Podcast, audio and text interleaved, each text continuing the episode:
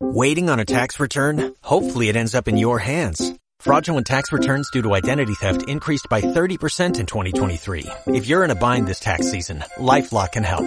Our U.S.-based restoration specialists are experts dedicated to helping solve your identity theft issues. And all LifeLock plans are backed by the Million Dollar Protection Package. So we'll reimburse you up to the limits of your plan if you lose money due to identity theft. Help protect your information this tax season with LifeLock. Save up to 25% your first year at LifeLock.com slash aware.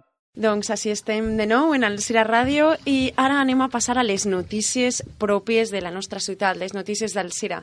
Avui, així, comencem.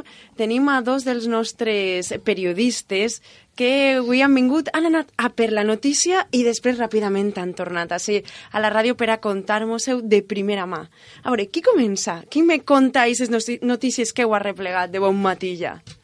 Hola, Macarena. Començaré jo. Me diuen Mari Carmen i vaig a contar-vos unes jornades d'oposicions que van a celebrar-se el proper dissabte 24 de febrer.